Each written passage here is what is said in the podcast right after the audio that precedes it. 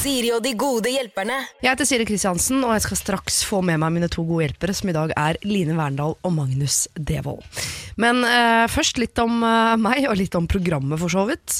Jeg er en ganske langsint jente. Altså, jeg kan bli eh, skuffet over ting, og så kan jeg være sint derfra ut. Det vil si at jeg går ikke rundt og er sint resten av livet. Men det skjer noe i møte med mennesker som jeg har noe uoppgjort med. Da går det over til at dette er et menneske som jeg for resten av mitt liv liker litt mindre enn andre mennesker i livet mitt. Altså Jeg kan huske tilbake til uh, om det var syvende eller åttende klasse, hvor jeg uh, hadde vært på en uh, telttur og hadde vært så heldig å få lov til å kline med en av gutta i klassen over meg på skolen. Jeg tror det var første gang jeg hadde klint i det hele tatt, så jeg var jo sprekkeferdig av stolthet. Altså Jeg var så stolt oppe å klikke for meg. Og fortalte det selvfølgelig til alle venninnene mine. Vet dere hva jeg har gjort i helgen? Er dere klar over hvem jeg har klina med? Altså Jeg var altså så stolt. Jeg følte jeg var på overtid i forhold til klining. Alle andre hadde klina, jeg hadde ikke gjort det, men nå hadde jeg endelig fått det til. Etter dette så hadde jeg en hel uh, jentegjeng som plutselig ikke snakket til meg på lenge. Det vil si at I hvert eneste friminutt på skolen så valgte jeg å gå hjem, jeg bodde rett ved siden av skolen, og uh, satt inne på mitt eget rom eller på kjøkkenet eller stua i storefri hver eneste dag i hvert fall en uke. Og jeg ante ikke hvorfor alle venninnene mine på et eller annet tidspunkt da, plutselig hadde bestemt seg for å bli sure på meg. Til slutt så knekker jeg altså sammen og søker ut mot uh, henne jeg var liksom tettest på i den gjengen, og spør hva er det som skjer. Hvorfor har jeg mistet alle venninnene mine? Og da viser det seg at uh, noen i gjengen har bestemt seg for å spre rykte om at det med at jeg har klina med en fyr, det er bare ljug. Det er noe jeg har funnet på. Så da har de altså kollektivt, av en eller annen merkelig grunn, bestemt seg for å bli sure. Fordi jeg går rundt og ljuger om at jeg har klina.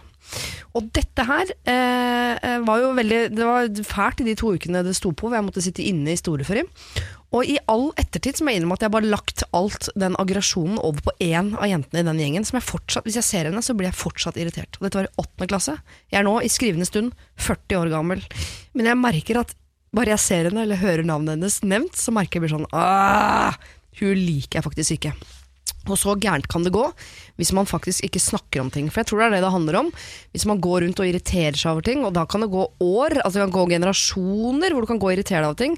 Så lenge ikke du har tatt tak i det, eller snakka om det, eller funnet ut av det, så blir det bare liggende der som grums. Du blir rett og slett ikke kvitt det. I hvert fall ikke hvis du er litt samme typen som meg. Så man er nødt til å snakke om ting. Han er altså pokka nødt, selv om det er ubehagelig, så er du pokka nødt til å snakke med folk om de tingene du er irritert på. Det er et, kanskje av de viktigste rådene vi gir her i Siri og de gode hjelperne eh, hver eneste søndag. Hvis du lurer på noe annet, hva enn det måtte være, eh, så må du formulere det i en mail. Og så sender du den til meg, da. Jeg har adresse siri, alfakrøllradio1.no. Og så kan jeg og mine gode hjelpere hver søndag hjelpe deg med hva det måtte være. Om du er i trøbbel med naboen, typen, mora di, ungene, skolen, venninner, jobb eller hva det nå måtte være. Siri og de gode hjelperne. Søndager fra to på Radio 1. Jeg har også fått med meg en liten eh, gjeng siden vi eh, jeg snakket sist, for bare noen minutter siden. Og det i dag er altså da eh, Magnus Devold og Line Verndal. Line Verndal, du er skuespiller. Ja. Magnus Devold, du er vanskeligere å definere, men er komiker en paraply vi kan bruke? Ja, det syns jeg. Programleder? Det kan vi også si. Det er uh, multitalent. Multitalent, ja. ja. Det skal jeg Kan forsøke så å bruke. mye rart. uh, jeg tenkte å høre med dere to ting jeg lurer på.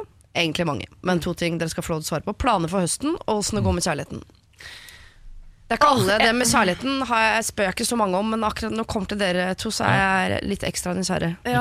Ja. Eh, ja, ok.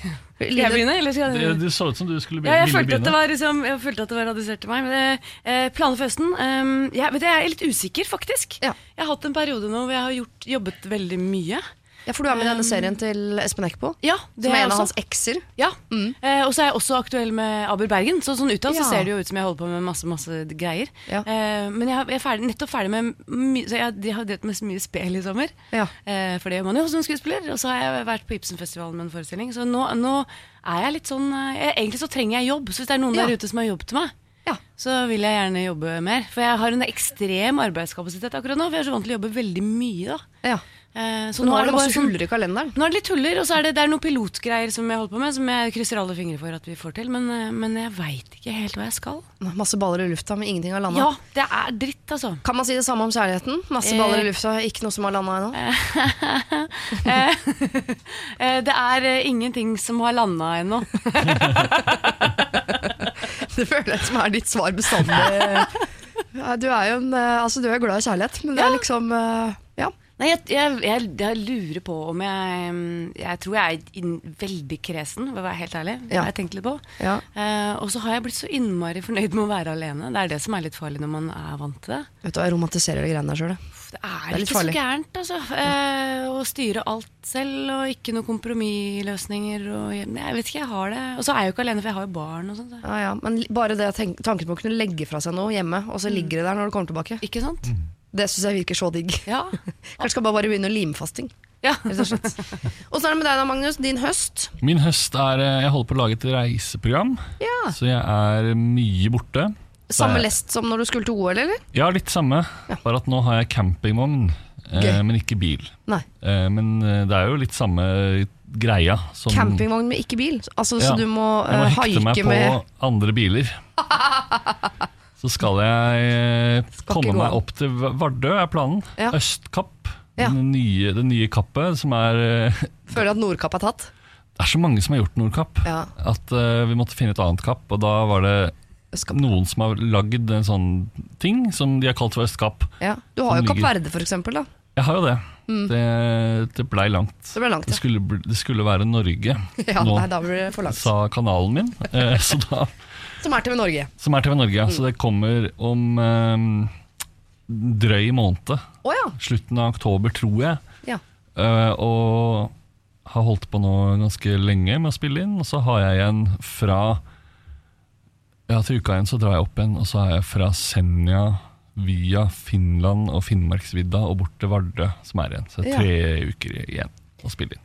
Ja, fordi Litt av premisset er at du må komme deg dit. Det er ikke sånn, nei, det kommer ikke fram, og tida er Kan ute. liksom ikke jukse. Nei. Og den vogna må jo være med, og alt mulig. Ja. Så det er liksom ikke bare å hoppe over store deler av landet. Nei, Dessverre. enig. Og da har du kanskje ikke hatt tid til Har du plukka opp noe kjærlighet på veien der? Det er ikke så mye tid til det, altså. Nei. Så jeg har satt dette greiene der litt på vent. til jeg er ferdig med å reise rundt. Ja. Så får vi se. Så får vi se. Ja. Ok. Eh, så det er en spennende høst for dere begge to, både på jobbfronten og eh, altså, det er masse eh, muligheter på kjærlighetsfronten også. Jeg er veldig opptatt av det. muligheter. Som dere hører. Alt er lov. Alt er lov. Siri og de gode hjelperne. Train var altså dette med låta Hey Soul Sister, som Magnus Devold har et veldig nært eh, forhold til. Ja, Ja, eh, multi- veldig nært. Multitalentet Magnus Devold. Jeg kunne, jeg kunne refrenget før refrenget kom. Ja, Mm. ikke sant? Eh, Line Wernald, du har ikke hørt den før? Nei, jeg tror ikke det. Nei. Nei. At Da- dere ikke har hørt den, altså. Nei, jeg har ikke hørt den mye, jeg heller. Men eh, det, altså, jeg kjenner den, det er gitarriffet. Eller det er vel kanskje en banjo. Ja, Det skal jeg finne ut av. Ja, det kan dere finne ut av. Det er ikke så nøye. Nå skal dere finne ut av, Det handler om musikk, faktisk. Jeg har formulert et eh, dilemma til dere som er musikkrelatert. Eh, og dilemmaet er eh, aldri høre på musikk som ikke ligger på VG topp 20-lista. Eller aldri høre på musikk fra eh, 2000-tallet. Er det fra, fra 2000 til nå, eller 2000 til 2010? Bare 2000 til 2010. Ja. Eller aldri høre på det som er på VG-lista akkurat nå? Det er aldri høre på det som ikke er på VG-lista akkurat nå. Var det det var? Ja, så du må enten bare høre på det som er på VG-lista til enhver tid, Ja. eh, eller eh, eh, Eller alt før 2000-tallet. Ja, ja, ja.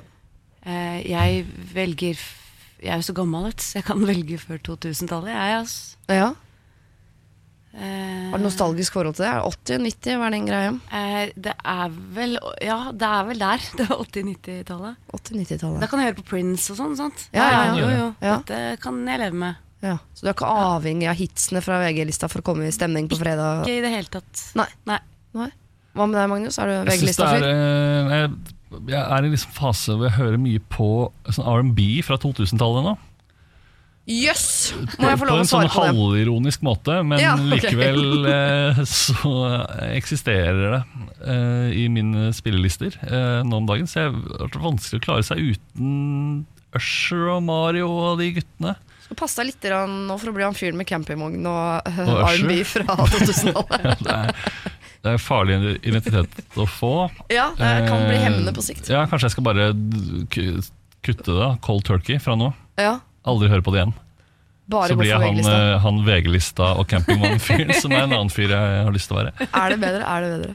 Men altså R&B fra 2000, ja, det er Usher og de folka der. Ja. Man kommer jo i fredagsstemning av det. Man gjør det, og Ja. Kelly, selv om R. Kelly er en kjip fyr, så har han lagd mye god musikk, dessverre. Så jeg gir han eh, tre øre på Spotify innimellom når jeg spiller sjangen. Er det uh, Believe I Can Fly-mannen? Ja, men det er ikke på en måte den som er Det er kanskje den største hiten hans, men det er ikke den som er liksom mest typisk R. Kelly. Det mest typiske er vel å, Ignition, for Ja. eksempel. Ja. Um, Dette er fremmed for meg. ja, jeg kan spille det av eh, litt Og de som ikke vet hvorfor han er en kjip fyr, så har han vel sittet inn- inne for pedofili, har han ikke det? Han har ligget Oh. med mange unge jenter. Ja, Veldig unge jenter. Ordentlig Han ga ut et album som het Age Ain't Nothing But A Number.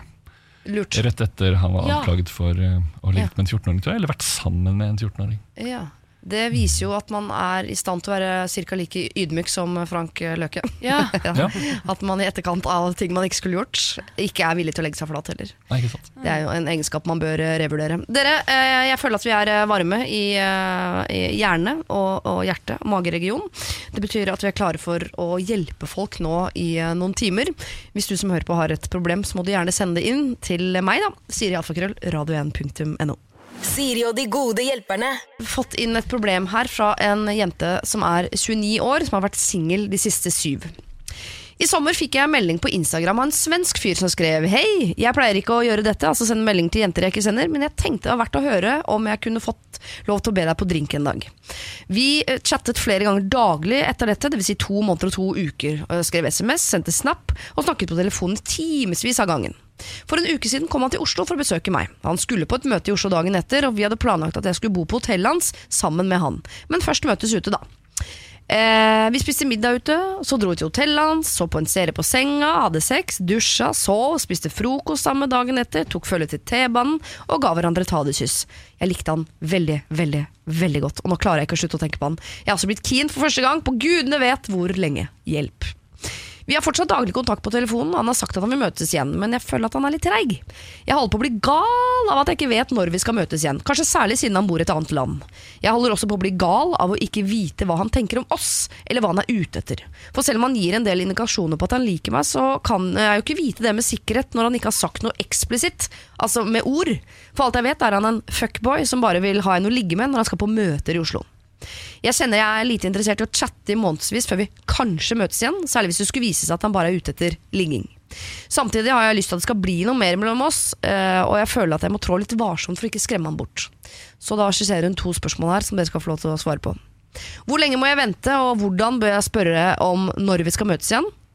Og når og hvordan kan jeg spørre om han er ute etter, eller hva han ser for seg eh, videre med meg? Kall meg Silje. Oi. Oi. Hvis dere lurer på alderen til svensken, så er han 32. Ja. Og hun er 29. Mm. Så de er eh, kompatible aldersmessig. Så det som har skjedd etter at de har vært sammen, er at han har ikke kommet med noen bekreftelser på noe vis i etterkant. Det er et dårlig tegn. At han ikke har sagt noe om 'fantastisk å møte deg'. Uh, for som regel, hvis man da blir gira begge to, så uttrykker man jo det ganske eksplisitt. Hvis jeg, ja. Ja, etter én natt. Jeg synes bare for at Vanligvis ville jeg Her har dere ikke sett hverandre, men de bor i hvert sitt land. Så det er på en måte Det er jo Jeg vet ikke om man kanskje føler på noe sånt at nå har de hatt det så hyggelig. Hvis det skal liksom fortsette nå, så må de liksom satse på det veldig med en gang. Og det er vanskelig å liksom reise dit hver eneste gang man skal ta en kaffe. på en måte Ja, Om han eh, Det kan hende det ligger litt eh, ekstra press på det. Av det. Ja. Jeg vet ikke. Men ellers så øh, Altså, jeg vet ikke. Det er vanskelig å si. At han holder liksom kontakten, men er litt treigere og litt Han har liksom ikke ghosta henne helt heller. Han har sagt at han vil møtes igjen, Ja. men hun føler at han er litt treig. Ja, han, men han var, de var veldig på før de møttes, sant? fikk jeg inntrykk av. Ja. Et par dager om, om dagen og alt mulig rart. Og så er han litt treigere i etterkant. Ja. Det syns ikke du er noe godt tegn. Ikke i det hele tatt. Å nei, nå er du kjempeskeptisk. Ja, jeg, ville, jeg ville blitt umiddelbart tenkt uh, Oh, fucking shit, her må jeg bare uh, uh, ta noen step back. F- og, og, og egentlig kanskje bare ikke sende noen meldinger, bare for å se ok, hva skjer nå. Hvis jeg ikke får noe, hvis han ikke kommer på banen nå når jeg fjerner meg, mm. så er det bare å glemme det. Men da er man i gang å spille, for da sender jo hun noen signaler hun egentlig ikke mener. Og Ja. kanskje er det han også driver med. Altså Han er en Ja, fyr er det i det Sverige. han- Har ikke noe å tape på å bare gå rett inn igjen og si hva hun vil ha. Nei, han er jo Det første jeg tenkte da du begynte å lese, var jo dansk, en fyr fra Sverige som sender en melding til en jente i et annet land på Instagram og sier 'jeg pleier egentlig ikke å gjøre det her', tenkte jeg, det pleier du å gjøre. Oh, ja, ok. Ganske ofte. Ja, ja, det er sant. Fordi det er rart å sende en melding til en du aldri har møtt fra et annet land, som du finner på Instagram. Er det ikke det? Jo, Det er litt rart, ja. Men jeg får, jeg har fått ganske mange sånne, for å være helt ærlig. Men det er sikkert fordi jeg er sånn TV-tryne. Ja. Mye eh, forespørsler og rart som jeg Jeg svarer jo aldri på noen av dem, selvfølgelig. Nei. Jeg har bare radiostemme, så jeg har aldri f- fått det i hele mitt liv. Høres kjempespennende ut. da Du er ikke TV-tryne, liksom? Nei, Radiostemme. ja, jeg skjønner. Men uh, ja, jeg er litt enig, for det kan hende denne fuckboy har uh, kone og unger og sånn hjemme i Sverige. Mm. Men så er han av og til i Norge på sånn businessreise. Og da liker han å, å koble seg opp med en liten Silje eller en Å, Renate. ja, det fins jo de der, vet du. Herregud. Ja, Men igjen, altså, disse tingene finner vi ikke ut av. Nei. Hva skal Silje gjøre?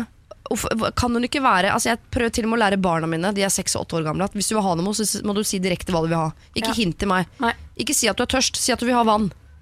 Ja, for Har hun Hva? noe å tape, egentlig? da? tenker Nei. jeg. Hun har jo egentlig ingenting å tape. Eh, For, for, for, hun er redd for å jage han bort, da. Hvis hun er for på, er det ikke det hun er redd for? Jo, men det er man alltid Jeg tror ikke det fins, jeg. Men kan, hun, kan, hun, hun, kan hun ikke bare si jeg, jeg, 'jeg liker deg kjempegodt'? Ja. Vil gjerne møte deg igjen snart. Er du interessert i at vi prøver å finne ut av det? Eller skal vi bare droppe det nå? Det går jo an. ja. Da er du ganske modig. Men er det ikke hennes tur til å besøke Anna? Jeg ville uh, copy-pasta meldingen hun fikk av han i sin tid. Og skrevet sånn Jeg pleier ikke å gjøre dette her, Men, men Ja. Og så dra til Sverige. Men det, Ja. det, jeg begynte å tenke på det med barn og sånn. Er ikke det lett å finne ut av nå i vår tid? da? Bare Jo. google folk og finne ut av om det er noen familie bak. Men hvis han er en fuckboy, så har han sikkert uh, lurt seg Kanskje han har to Instagram-profiler? Eller kanskje han Du er så altså, skeptisk, Jeg er veldig skeptisk. Den verden du Ja. skisserer nå. Mye skumle folk i andre land. er det sant? Men uh, ja, det, det var en god Kanskje han er en jente på 16? Vi vet ikke. Dra, dra til Sverige. Dra til hans eh, hjemmebane. Da Ja. lærer man sikkert ganske mye om det. Jeg vet ikke om man skal man gjøre det helt spontant. Kanskje ikke. Ikke sånn troppe opp på døra hans, men eh, Kan hun ljuge om at hun skal til Sverige uansett, eller er det for obvious? hvis han bor i Stockholm, kan hun jo det. Ja. Hvis han bor i en Øregjeng. bitte liten øregjeng, så er det kanskje vanskeligere. Jeg skal uansett til Tøkkfors i helga, da er du hjemme. Ja. Ja, nei, det er jeg enig i. Hvis han bor i Stockholm, så kan du kanskje ljuge på deg. det. Men er du skeptisk til at hun hele tatt skal dra til Sverige? Ja, men jeg tenker, herregud, så utrolig kjipt å komme dit og hei, eh, hvordan går det, liksom? Og så merker du, å fy faen, han er ikke her lenger, liksom. Han er, eller han er kald mot meg, da. Og da utsetter du deg for mye større hjertesmerte enn hvis du bare sender en eller annen melding, eller bare melder deg ut og venter, eller Da finner Ja. du ut av det, da. Ja, det gjør du, Ellers men du så får er det det at han er litt sånn du, halvveis på i to måneder til. Så, ja, de ligger sammen du- litt til i Sverige, liksom. Men ok, eh, på spørsmål, direkte på spørsmål. Hvor lenge må jeg vente, eh, og hvordan skal jeg spørre om når vi skal møtes igjen? Du trenger ikke å vente lenger på det. Nei, Nei. nei, det gjør Nei, man du ikke. kan spørre. Ja, Uh, og hvordan? Eh, kanskje sånn artig, liksom. ja. Når og hvordan kan jeg spørre om hva han er ute etter, og hva han ser for seg videre? Det vil jeg vente med. Ja, det er ikke så lurt å ta Altså, med en gang. Nei, Du må møte ham i hvert fall en gang til. Først finne ut av eh, om han bruker sitt ekte navn, om han har unger, kone osv. videre Ja. Før du spør om det. ja. Eh, det er for tidlig. Ja. Men jeg Også likte bare, det er ikke godt- alle som vet etter ett møte hva de vil. Nei, nei. Nei, Vanligvis treffer man jo hverandre mange ganger. Kanskje oftere menn enn damer òg. Er litt sånn ja, jeg får se. Kanskje det var hyggelig. Jeg vet ikke. Ja. Så vi venter litt med spørsmål to, Silje. Men vi syns du allerede nå skal spørre om når dere skal møtes igjen. Og der kan du være litt direkte. Ja. Jeg tenker Enten så liker du den eller så gjør du det ikke. Det er egentlig ganske enkelt. Ja. Du har ikke så mye å tape på akkurat det. Nei. I så fall så har du en eller annen fyr i Sverige du har ligget med som ikke det blei noe med. Ja. Ja. Så spør og nå. kjærlighetssorg går over. I know. Så du må spørre nå, selv om jeg vet at det er lenge siden du har vært forelska uh, forrige gang, og du tror det er sikkert syv år til neste gang osv., så, videre, så har du ikke noe å tape på å spørre nå om når du vil møtes igjen. Hvis du liker han fyren der, så er det jo bare et kompliment, og det komplimentet kan du ikke gi til oss, det må du gi til han. Siri og de gode hjelperne. Søndager fra to på Radio 1. Som i dag er multikunstner og multitalent Magnus Devold og skuespiller Line Verndal. Eh, det, nå høres det så stusslig ut liksom, å være skuespiller. Jeg kan ikke kalle oss begge for multitalenter. da. Multitalent og multikunstner kan Ja. være Ja, deres ja, av ja. det. Ja. Ja. Dere, vi skal eh, hjelpe en av våre antagelig yngste lyttere her på kanalen. Eh, hun har eh, begynt på videregående nettopp. For noen uker siden begynte jeg, som mange andre, på videregående. Jeg er den eneste i vennegjengen på syv som valgte en yrkesrettet linje, altså på en annen skole enn resten. Dette sliter jeg veldig med. Som nevnt er jeg helt alene uten dem hver dag, og jeg sliter med å knytte meg til noen og finne nye venner. Jeg har jo knallgode venner fra før av. Jeg er livredd for å miste kontakten pga. forskjellige interesser. Jeg er redd de skal finne seg nye venner, og at jeg ikke gjør det. Jeg er redd for å bli hun dama som sitter igjen alene med 20 katter. Verdt å nevne at de andre i klassen viser null interesse for å bli kjent med meg. De har også funnet hverandre, så er det er ekstra vanskelig å komme inn på dem. Hva skal jeg gjøre, og hvordan skal jeg fikse dette? Takk på forhånd, jeg digger dere. Hilsen rådevill jente. Og altså en liten sånn sommerfugl. Eh, emoticon. Eh, jeg tror vi først og fremst skal ta tak i det med hvordan hun skal beholde de vennene hun allerede har, selv om de nå for første gang sikkert i deres vennskap har tatt hvert sitt skritt til hver sin side. Hvordan, skal man, hva, hvordan skal man holde på det vennskapet? Det eh, tipper jeg kommer til å ikke være umulig, siden de er jo da sannsynligvis bor de ganske nærme hverandre. Har gått på samme barne- og ungdomsskole, kanskje. Ja. Og bor i samme bydel, samme gatene. Så i hvert fall husker jeg da jeg gikk på videregående, så var det veldig naturlig å henge mye med de jeg bodde i nærheten av, som jeg kjente fra før av. Selv Ja. om jeg også fikk nye venner på videregående. Så Ja. å finne på de samme tingene man gjorde, og det tar liksom fem minutter å gå til hverandre, er jo Det er jo bare å prøve å holde på det samme. Finne på de samme tingene på kveldene, selv om man ikke ses på dagen. For faren er jo at de seks andre jentene begynner å gå mye på klassefest og henger med gutta i andre gym og sånn. Skjønner du? Ja, da kan du bli med. Da er du hun spennende fra den andre skolen. Ja. Så ja, Men da må man nesten, kan man be om det, da? Å få være med? Ja. ja, ja. Ja. Men det, men det skumle kan være når de begynner å få sånn sjargong. og vet du hva, Han der Steffen han, er, han kom bort i friminuttet i dag. Så, så, de, de kommer til å få et type språk som hun ikke he helt henger med på. da Ja. Det er vel ikke til å unngå. Eh, men da må hun bare spørre hvem er Steffen. Hun må prøve å henge seg på, da. Mm. Ja, for Det kommer litt an på hvem hun er i gjengen også. Hvis hun er veldig sånn uh, lite sjenert og veldig på og kommer lett i kontakt med folk, og sånn, så tror jeg ikke det er noe problem. Hvis hun er litt sånn sjenert, så hun blir bare hun sjenerte venninna som av og til er med, når de er midt oppi en sånn Altså Grunnen til at jeg liksom skisserer dette veiskillet, er jo at eh, for hver gang man tar et valg i forhold til skole, jobb, eller så havner man jo inn i en eller annen boble. Mm. Og alt som er på utsiden da, i perioder kan virke litt sånn irrelevant. Ja, for jeg, jeg hadde jo litt samme greia når jeg begynte på videregående. Jeg hadde det drit, Og jeg vet at det er ordentlig kjipt. Vi skal ikke kimse av Man tenker som voksen tenker man, ja, men herregud, hvor mange venner har fra videregående skole? Det er ikke så mange jeg har. Det jo, men det er der og da er kjempeviktig. Og jeg begynte på handelsgym, kjente ingen. Eh, og jeg hadde jo helt feil klær. For jeg, de, jeg var jo ikke rik, så jeg hadde jo ikke riktig merketing. Eh, men jeg visste jo ikke at, det var, at de kunne se at det var fake. Hvis du skjønner Nei. Tenkte de docksizene er vel fine nok. Det er ikke docksize, men det er noe som ligner. Men, eh, men det så jo alle. Eh, sa du. Ja, det var virkelig ikke helt riktig. Eh, og, og jeg husker at jeg sto ute i skolegården. Og jeg, husker, jeg turte ikke å gå ut i skolegården Nei. fordi jeg ikke hadde noen venner å henge med. Og hadde det ordentlig kjipt, og det som var løsningen for meg, var jeg vet ikke om det finnes noe sånt på hennes skole, men det var jo å være med på eh, revyen på skolen. Ja. Men jeg vet ikke om det er revyer på yrkesskoler. Eh, men det, da løsna det jo, for da fikk jeg jo en gjeng jeg kunne henge med. ja. Maskin- og Mekk-revyen. Ja, jeg vet ikke om det fins, men det var noe sånne Hvis det fins noen felles aktiviteter på skolen, så oppdager du at alle de andre er jo ikke idioter heller, liksom, selv om det, hun, hun hørtes litt sånn bitter ut for at de ikke gidder å ta kontakt med henne heller, da. Ja, for jeg tenker at eh, Du skal ikke bare sitte nå på uh, din skole og romantisere de andre vennene dine som holder på med sitt, og ikke legge inn noe innsats, for du skal gå på skole med folk i Ja. hva da, tre år sikkert. Ja. Eller to hvis det er yrkesfag, kanskje? Ja, Før to? man skal ut i noe Ja. praksis. Eller, altså, du skal i hvert fall være sammen i ganske mye nå i en god periode framover. Mm. Så øh, øh, du kan ikke sitte og dette er viktig for meg å snakke. Man kan, når det kommer til vennskap, kan du ikke sitte på et gjerde og furte og forvente at folk skal komme bort til deg Nei. og ta tak i det og bli vennen din. Nei. Å være venn er, noe, det er en jobb man Ja. må gjøre, og begge må bidra. Mm. Så jeg tenker at du også må liksom ta litt tak i de folka i klassen din. Selv om du nå ligger litt bakpå. Mm. Og hvis de fortsetter å være Hvis det er liksom masse gutter og, som er eh, helt annerledes enn henne og kjipe, så prøv å finne for eksempel, Jeg tenkte også på revy. Liksom Prøv å finne et annet miljø på skolen. Ja. Da blir man kjent med folk på, i alle trinn og i alle klasser og alle linjer av de som er med på revyen. Mm. Og Jeg hadde, jeg hadde vel det samme som deg, at øh, alle de som var liksom like meg, de var med der. Ja. Og så er det jo masse forskjellige grupper som gjør masse forskjellige andre ting, på en måte. Ja. Man kan finne noe man er interessert i. Eller å, Men i hvert fall prøve å være sosial på den skolen du går på. Istedenfor, for jeg, jeg, jeg blir litt redd når jeg leser setningen sånn Jeg har jo knallgode venner fra før av. For du kan dessverre oppleve at de eh, forsvinner inn i en boble på sin skole. Og da sitter du der, da. Ja. Ikke sant? Prøv å forsvinne litt inn i din egen boble også, så får dere møtes i gata sånn innimellom og være med på hverandres greier. Men lag deg din egen boble, Men man, liksom. man må jobbe. Jeg husker også jeg var i Stavanger, hadde ingen venner, skulle være der i tre år. Jeg satt meg i en bar, jeg vet ikke om hun er gammel nok til å drikke, da, men satt meg jo i en bar på Sventen der, da, aleine med en øl. Og da, Ja. kom, du, du, da begynte jeg å prate med folk, og så sto jo Kristoffer Joner bak baren, eh, før han på en måte var kjent. da. Men så ble det, ble, jeg var kjent med gjengen, men jeg måtte, det var ordentlig kleint første gangen. Å sitte jobb der helt alene Ja. eh, med en øl, og bare ok, nå må noen snakke med meg, liksom. Ja. Men, eh, men du må gjøre en jobb, da. Ja. Eh, og det er hennes oppgave å gjøre den jobben. Altså. Ja. Du må eh, ta litt initiativ og bli kjent med folk eh, rundt deg. Ikke sitte og vente på at de skal bli kjent med deg. Hvis ikke, så da kan du ende opp aleine med 20 katter. Uh. Og så skal du prøve å fortsatt holde kontakt med de gode vennene dine som du har fra før. De bor jo antageligvis i nærheten av deg, kanskje du kan bli med de på ting på deres skole og sånn. Men etter hvert kommer de til å få sin egen sjargong. De kommer til å snakke om Steffen i andre klasse som ikke du vet hvem er.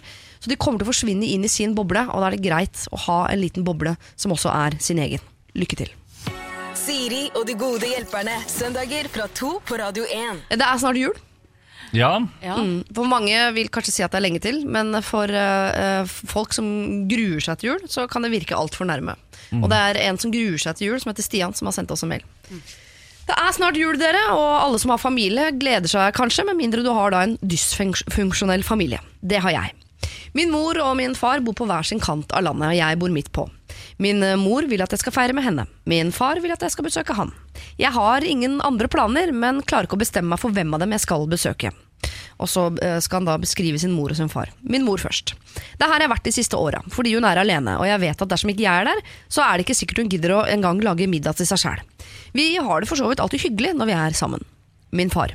Min far har ny kone og vil uansett ikke sitte alene på julaften. Men han er en bitter gammel mann, og det er i beste fall høflig og avmålt stemning når jeg er der. Kona kommer jeg ikke spesielt godt overens med, dessverre. Men han har ikke så lenge igjen å leve, er jeg redd, og det kan være hans siste jul. Men igjen, det kan det jo være for mamma òg. Så jeg legger dette i deres hender. Hvor skal jeg feire jul i år? Stian 25. Hvor skal eh, Stian feire jul, eh, Magnus? det var mest fristende å si mor, basert på karakteristikken og stemningen han skisserte der. Ja. Eh, jeg tenker vel, men Det kan han vel hende at han har gjort allerede. At han har gått for en slags annenhver løsning. Han har vært hos mor de siste årene. Ja, ok. Så det virker som hun har på en måte fått øh, øh, høste gleden av Stian de siste åra. Ja, kanskje han skulle tatt, eh, siden det er såpass sent i livet for far, tatt og vært der på julaften, Mm. og så dratt til mor. Flydd til mor første juledag, og så vært resten av jula der. Jeg vet ikke. Kjørt en kombo, ja. Ja. Jeg skjønner ikke helt hvorfor akkurat den, der, den ene dagen er så jævlig viktig, liksom. Nei. 24. Det er liksom da av da, hvor du er da. Men ikke som mor heller, hvis dattera di plutselig er sånn Ja, 24, jeg- Sorry, mutter'n, skal til Australia og surfe. det kan hende jeg må tenke sånn, fordi jeg har jo barn annenhver. Mm. Så i år så skal jeg ikke ha barn på julaften, og da, da kan jeg egentlig like godt bare hoppe over eh, hele greia, tenker jeg. Ja. Men jeg gjør jo ikke det. Jeg er jo sammen med familien min, og det er jo mange andre som syns det er stas å, å lage ting ut av jul. Mm. men eh, ja nei, ja, nei, men jo da. Men la oss si at det er veldig viktig, da. For det er jo det Ja. som er Det er jo en av ganske få middager i året hvor, hvor man ikke har så mye annet å tenke på, og det er så mye stress og sånn for en del folk. At man bare kan sitte og være med familien, og man har litt fri, gjerne. Ja, For samfunnet er i uh, lockdown, liksom, så de 24 timene kan du liksom sitte og spise ribbe. Ja. Ja. Og hvis jeg er hjemme på en søndagsmiddag, så er det alltid tusen andre ting jeg tenker på som jeg skal på mandag, og som jeg burde fiksa i løpet av kvelden. Og når jeg kommer hjem, så er det sånn, sånn, sånn. Men Ja. julaften er jo bare sånn Nå skal jeg være her, nå skal jeg sove her. Og så i morgen skal vi ha fri og spise mer mat. Ja. Og det er jo ikke så ofte man har tid til det i løpet av et år. Nei. Og så, jeg tror liksom det eh, Stian sliter med i hodet sitt, er sånn eh, s- er Jul i år for meg, 25 år gammel, handler det om at jeg skal være grei mot dem? Eller skal jeg være grei mot meg selv? Skal jeg gi meg selv en julaften hvor jeg vet at jeg får det hyggelig? Eller skal jeg gjøre det som er mest riktig eh, i, i forhold til i, min oppgave som sønn, på en måte? Jeg syns uansett det er riktigst å være hos mor. sier alenemora. Neida. Men eh, jo, fordi, fordi hun er alene, hvis ikke han er der. Eh, og fordi han har bodd der de siste årene. Og fordi det virker som om han syns selv at det er hyggeligst. Ja. Eh, og den bitre faren som er litt sur, han kan han besøke første eller andre juledag? Kan han ikke det? Eller må, er det langt? Jo, det er en stund stykke å reise. Jeg, på da, hver men- sin, det er, jeg tipper det er Finnmark og Kristiansand, liksom. La oss si det. da Ja. Sjøl bor han i Trondheim. Altså, Ja, ja. Men han kan jo- videre I verste fall dette her, altså, som jeg finner på nå, men Ja, ja. han sier jo på hver sin kant, og han bor midt på. Mm. Om det er på hver sin kant, bredde eller lengdemessig, det vet jeg ikke. Men tror du ikke far skjønner veldig godt hvis han sier at eh, jeg, jeg blir hos mor i jula? For det, hvis ikke så er hun aleine. ja. Er det ikke noen som kan bli sure for det? Og så må han jo sørge for å besøke han snart, altså før han dør, liksom. Ja. Hvis det er Jo, men Kanskje man kan være ganske tydelig på det. At uh, du Stian sier til uh, far at du vet jo det, far, at jeg, jeg feirer jul hos mor. Det har jeg gjort de siste årene, det kommer jeg til å gjøre. Hvis ikke så er hun alene. Det, og sånn blir det hvert år. Og rett og slett legge den ballen død en gang for alle. Liksom. Det er der jeg feirer jul. Sånn har det vært, sånn kommer det til å bli. Men jeg kommer gjerne til deg en helg i januar, f.eks. Ja. Eller kanskje du vil komme hit en helg i januar, eller Ja. at, ikke, at man liksom uh, Selve den som du sier, den datoen, 24., den lille Jesus-datoen der, at man gir den til mor. ja. Ja. Ja. For begge deler er jo riktig òg. ja. Og det er det han har mest lyst til. Og det er ikke noe hyggelig med sånn bitter far og en avmålt eh, De blir sikkert bare glad for at han ikke kommer. Nei, nå er jeg slem, men det kan jo godt hende. Sa, de noen, sa de noe om det, eller har faren sagt noe om det? At han vil Ja. Ja. Far vil at jeg skal besøke han. Ja. Ja. Nei, men herregud, ta, rom, ta litt romjul hos far. Men det er litt egoistisk å si sånn Jeg ønsker at du besøker meg. ja. Det er ikke noe Eller- hyggelig her. Nei. Jeg har gått videre. Ja. Drit i mora. Altså, det er ganske egoistisk. Ja. Og da skal ikke Stian ha dårlig samvittighet for at han også putter litt egoisme inn i Jo da, det, men det er vel hyggeligere at far sier 'jeg ønsker at du besøker meg i jula', enn at han sier 'jeg driter i om du besøker meg i jula'. Ja, unnskyld, nå hadde jeg med meg min egen far inn i dette resonnementet. det er alltid en veldig, veldig en dårlig idé. Uh, ok, Stian, men uh, det virker som det er I hvert fall Line og jeg mener at han skal besøke mor. Mm. Magnus, du er litt med på Jeg, nei, jeg kan være med på at mor skal få julaften. Det er hyggelig for henne. Ja, Og så skal far få kanskje tredje og fjerde juledag. Og så kan han dra. Så kan han være med vennene sine på nyttårsaften. ja, Og så skal far betale flybilletten, ja. syns jeg, når han er 25. ja. Ja. Han er, Hvis han ikke gidder det, så bare drit i å dra. han har sikkert ikke noe annet å bruke penger på, far. Så han er gammel og sur. Ja, og masse unger. Det vet jeg ikke. Stian, du skal til moren din på julaften. Vi har valgt, tatt det valget for deg. Eh, Du har lagt i våre hender, og våre hender sier at du Stian, skal feire jul med mor også i år. Og det skal du alle år, fram til et annet alternativ dukker opp. Eh, Men faren din må også besøkes, og det er ganske snart. Om det blir romjula eller rett på nyår eller hva, eh, det må du og din far bli enige om. Men julaften, den feires hos mor. Siri og de gode hjelperne. Pink, what about us, eh, spør hun. Og det er nesten det som er spørsmålet i neste problem jeg har fått innsendt også til sirialfakrøllradio1.no. eh, Fra en som kaller seg for Preggo Keiko. Eh, altså Preggo som er gravid, Keiko som er i spekkhoggeren. Eh, hun skriver eh, her Hei, jeg er seks måneder på vei med første arving, og det er veldig synlig graviditet. Det er ikke til å ta feil av. Folk har annet spurt om det ikke er tvillinger, så det er ikke noe man kan unngå å se. Jeg pendler til jobb med tog, og det er en time hver vei. På vei hjem på ettermiddagen er toget altså så fullt at man må stå. Med begynnende bekkenvondter og tunge bein er ikke det så trivelig å måtte stå i 30 minutter før det blir plass til å sitte. Jeg har alltid hatt god tro på menneskeheten og at man reiser seg for eldre eh, og eller gravide, eller om noen skulle ha andre fysiske utfordringer eh, ved å stå lenge, f.eks. ha krykker. Men jeg har eh, nok en gang fått virkeligheten slengt i fleisen. Det er ingen som tilbyr seg setet sitt. Ikke engang de som sitter på setet med, merke, med et klistremerke hvor det er bilde av en mann med stokk og en gravid kvinne. Hvor gravid må man være før man har retten på sin side til å spørre om å få lov til å sitte? Må jeg bli Keiko? Og ikke minst, eh, kan jeg spørre, be om å få sitte? Eh, Hvordan gjør jeg det uten å virke helt veik? Takk på forhånd for hjelp. Hilsen Preggo Keiko.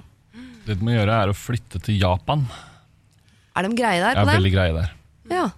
Der er det så mye høflighet på trikker og busser at det blir ikke noe problem for deg. Så kan du føde der på et topp moderne sykehus og eh, flytte hjem igjen etterpå. ja. Ja, I Japan er det vel antageligvis ingen som sitter på bussen, for alle reiser seg for hverandre. For Ja. det er sånn Å, du er høy! Nei, du er lav! Å, du er gravid! Nei, du er ikke gravid! Alle, alle står hele veien. Ja, det er et veldig godt alternativ. Jeg vet at du er glad i Japan. eh, Jeg er glad i Japan, Ja. men Er ikke du eh, veldig høy i Japan? Jo, det syns de er gøy. Ja, de syns det er gøy. det er de, tar de bilder med deg også? Ja, de gjør det. Ja. Men er ikke verdens høyeste mann japaner? Det syns jeg er rart. Han er kineser, tror jeg. Ja, ja. Japaner er ikke så kineser. Ja.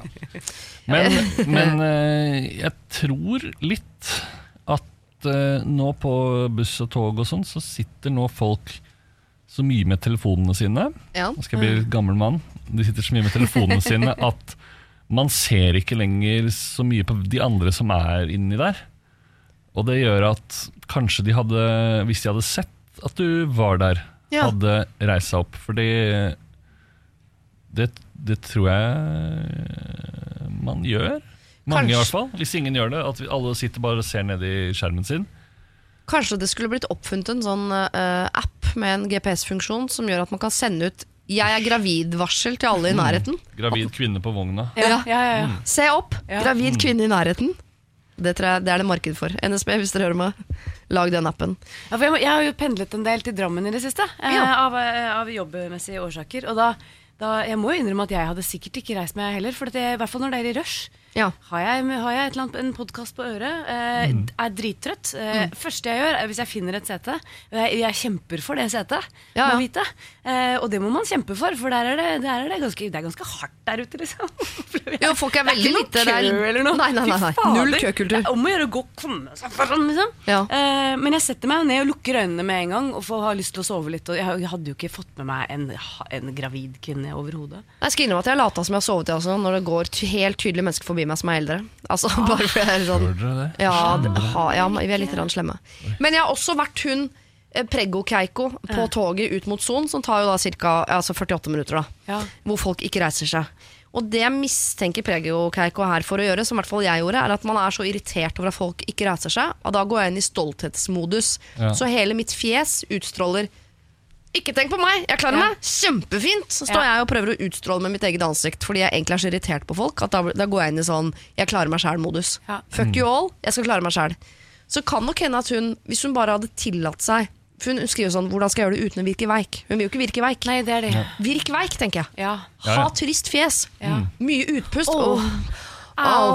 Ja. Sånn, liksom. Nesten føde snart. Ja, Vær litt sånn med huet halvveis Skit ute. fra Liksom. magen og sånn, ja. ja.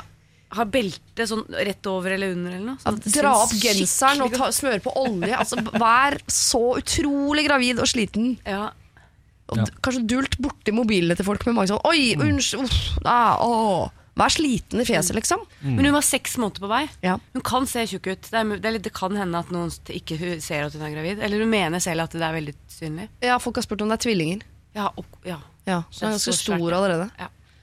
Men ja, Ja, kanskje hvis de tror hun er tjukk, det er jo også, det er også veldig For det hender jeg har spurt om folk har villet sitte. Fordi de er tjukke? Nei, fordi de er gamle ofte, da. ja.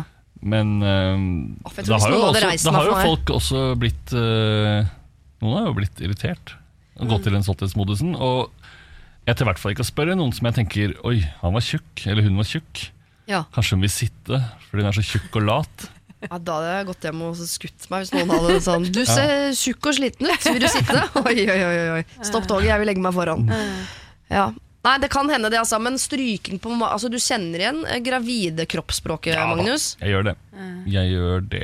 Ja. Så hvis hun er kjempegravid, så ja, enig der. Vær, vær så gravid du bare kan. Ja, Men, man, men hvor sliten er hun da? Jeg mener, når jeg, når jeg skal være litt kjip Mm. Når du er gravid i sjette måned, er du så jævlig sli, mer sliten enn de vanlige folka rundt deg da? Der er folk veldig forskjellige. Er det lov å spørre om? Hun har vært- bekkenvondter.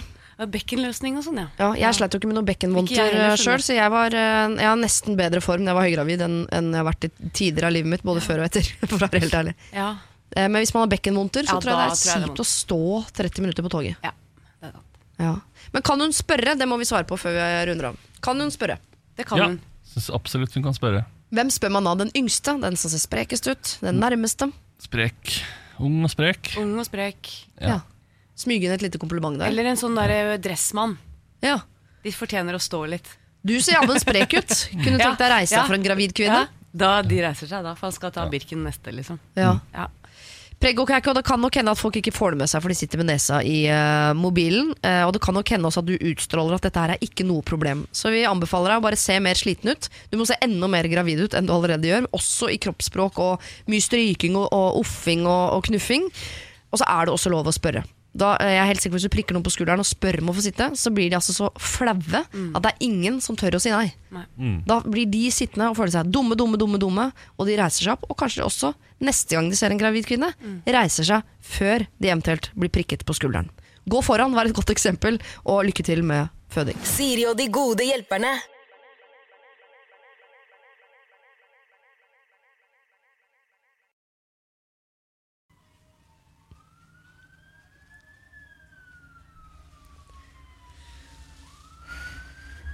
Born to be uh, yours, uh, Kygo sammen med Imagine uh, Dragons uh, fikk du altså der. Du hører på Siri og de gode hjelperne på Radio 1, og hvis du har et problem så send det gjerne til meg. sirialfakrøllradio1.no Dagens gode hjelper i dag er uh, multitalent Magnus Devold og multikunstner Line Verndal. Eh, vi skal til uh, en som vil bli kalt for Kåre Kari. Så det er vanskelig å vite om det er gutt eller jente, dette her. Men det, kjønn har ikke så mye å si. Som i Du skal ikke sette folk i bås på den måten lenger. Nei, nei, Nei, nei. det er vanskelig å sette Kåre Kari i bås. Ok. Det er en veldig liten bås, det er bare Kåre Kari som står inni der. Ja. Hei, kjære Siri og uh, hjelperne. Jeg har et problem med min mamma. Jeg er 30, hun er 65. Sett utenfra er hun en god mor, men fra min synsvinkel er hun manipulerende, slem og egoistisk. Hun skilte seg fra min far da vi var små. Far er verdens snilleste og mest sympatiske mann og far. Jeg har et godt forhold til mine brødre, og da min far. Mer enn godt. Vi har det superhyggelig sammen. Men med en gang mor kommer inn i bildet, går vi alle fra, uh, vi alle fra situasjonen, såret, lei oss og overkjørt. Jeg kan ikke huske noen gang at min mor har fått meg til å føle meg elsket, verdsatt eller glad. Det handler alltid om henne og hennes behov. Hun styrer øh, og ærlig talt plager hele familien via sin manipulering og offerrolle. Spørsmålet mitt er, kan jeg kutte henne ut? Hvis jeg gjør det, tar jeg samtidig vekk hele hennes familie. Hun har aldri gjort meg noe direkte vondt, men det er alltid tusen ting som gjør at jeg gråter og er sint hver gang jeg forlater henne. Så hva er best eller verst? Kutte ut en dårlig person fra livet, men leve med at du har gjort eh, andre noe vondt? Eller å ta de vonde stundene, men gjøre et eh, nært familiemedlem godt? Det er så vanskelig! Takknemlig for svar. Kall meg Kåre Kari. Altså, skal hun gå rundt og ha det litt vondt hver gang hun er sammen med sin mor, men ikke såre sin mor? Eller skal hun såre sin mor, og da slippe å ha det vondt? vondt? Såre sin mor som har såret henne mange, mange ganger. Ja, men uten å ha gjort noe sånn Hun bare er kjip. Bare er generelt kjip, men hun har ikke liksom uh, Har ikke uh, vanskjøttet henne, hvis du skjønner. Nei. Annet enn å ikke gi henne den kjærligheten et barn trenger. Da. Mm. Ja, det Men- er jo Ja. ganske viktig. Kan man ikke snakke med henne om det? Ja. Istedenfor å bare kutte henne ut uten å si noe? Eller er det noen som ikke ville hørt på Jeg tenker du snakke med henne og si sånn 'jeg kommer til å kutte deg ut fordi', og gi henne en forklaring? Eller, si Ja. sånn, øh, eller prøve å snakke med henne for å få henne til å endre seg, og da slippe å måtte kutte henne ut. Ja, det var det siste jeg Ja. tenkte på. Ja. ja, Det er spørsmål om du får en 65 år gammel egoistisk dame til å, å snu Ja, for brødre, det var flere brødre, og alle er på, på hennes Eller de er gode venner og vel forlikt, hele gjengen. Ja. Sånn, ja. Oh, for en 65 år gammel dame. Jeg mener at selvfølgelig har hun, hun kan gjøre hva faen hun vil. Ja. Selvfølgelig kan hun kutte henne ut hvis hun vil. Eh, hun kan bare slutte å ta kontakt med henne, slutte å komme på besøk. Bare, det er, jo- har hun Fade ut sin egen mor. Ja, Ja. det kan du vel, hvis du vil. Ja. Hvis, ikke, hvis du kan leve med det selv, da. Hvis du syns det er greit selv. Og det er selvfølgelig blir jo det leit for moren, men, men um, men kjipe mor- mennesker fortjener jo ikke kjærlighet hvis ikke de har gitt kjærlighet, liksom. Jeg Nei. blir litt streng der, jeg. En psykolog sa til meg en gang man får det forholdet til barna sine som man fortjener. ja. Eh, og det kan jo være deilig å fortelle seg selv, for jeg tror nok at det som, eh, Kåre Kari sliter med også her, er For selv om eh, hen skriver at uh, hvis jeg kutter henne ut, så blir det vondt for henne, men ikke for meg. Det tror jeg ikke helt på. Du også kommer til å ha det vondt etterpå, for du kommer til å ha dårlig samvittighet. Og det kommer ikke til å gå over. Nei. kommer til å ha dårlig samvittighet hver jul, hver bursdag, hver sommer. Når du får barn. Altså, det kommer til å dukke opp dårlig samvittighet gjennom hele livet. Men dette vet jo du noe om, Siri. I forhold til at jeg kuttet ut min egen far. Ja. Ja, men der, um, der har han altså så hardt kuttet ut meg der, jeg har, det har jeg ikke noe dårlig samvittighet for. for å være Nei, helt ærlig. Han Men det tok mange år. Altså, jeg måtte bli sånn typ 35, så du, du har fem år igjen. Ja. Ehm, men å skulle gjort det overfor en som aldri på en måte har valgt det er bort, bare vært liksom jevnt over kjip. Ja. Og kjipe folk får også unger, så jeg tror da på at mora di er kjip. Ja, ja, ja. Kan godt hende å være et kjipt menneske. Men det, det, det voksne og, og fine å gjøre er vel å, å virkelig prøve å snakke med henne. Kanskje Ja. sammen med søsknene, liksom. Bare hva er, hva er problemet ditt, liksom? Hvorfor har du vært sånn mot oss? Kan godt hende hun har sin egen historie, vært dypt ulykkelig, eller Ja, ja. andre elsket faren og syns at livet er sånn, Det er mange grunner til at folk er kjipe, da. Ja. Som barn kanskje ikke vet. Uh, ja. Og i hvert fall gi henne en sjanse. en intervention, liksom. Jeg vet ikke om det høres litt sånn ut, men uh, Ja, det kan også bli hardt for mor, da. Ja, det blir det jo. Og Ja. det kan godt hende hun bare går rett i forsvaret og blir dritforbanna. Mm. Men da kan du i hvert fall kutte henne ut.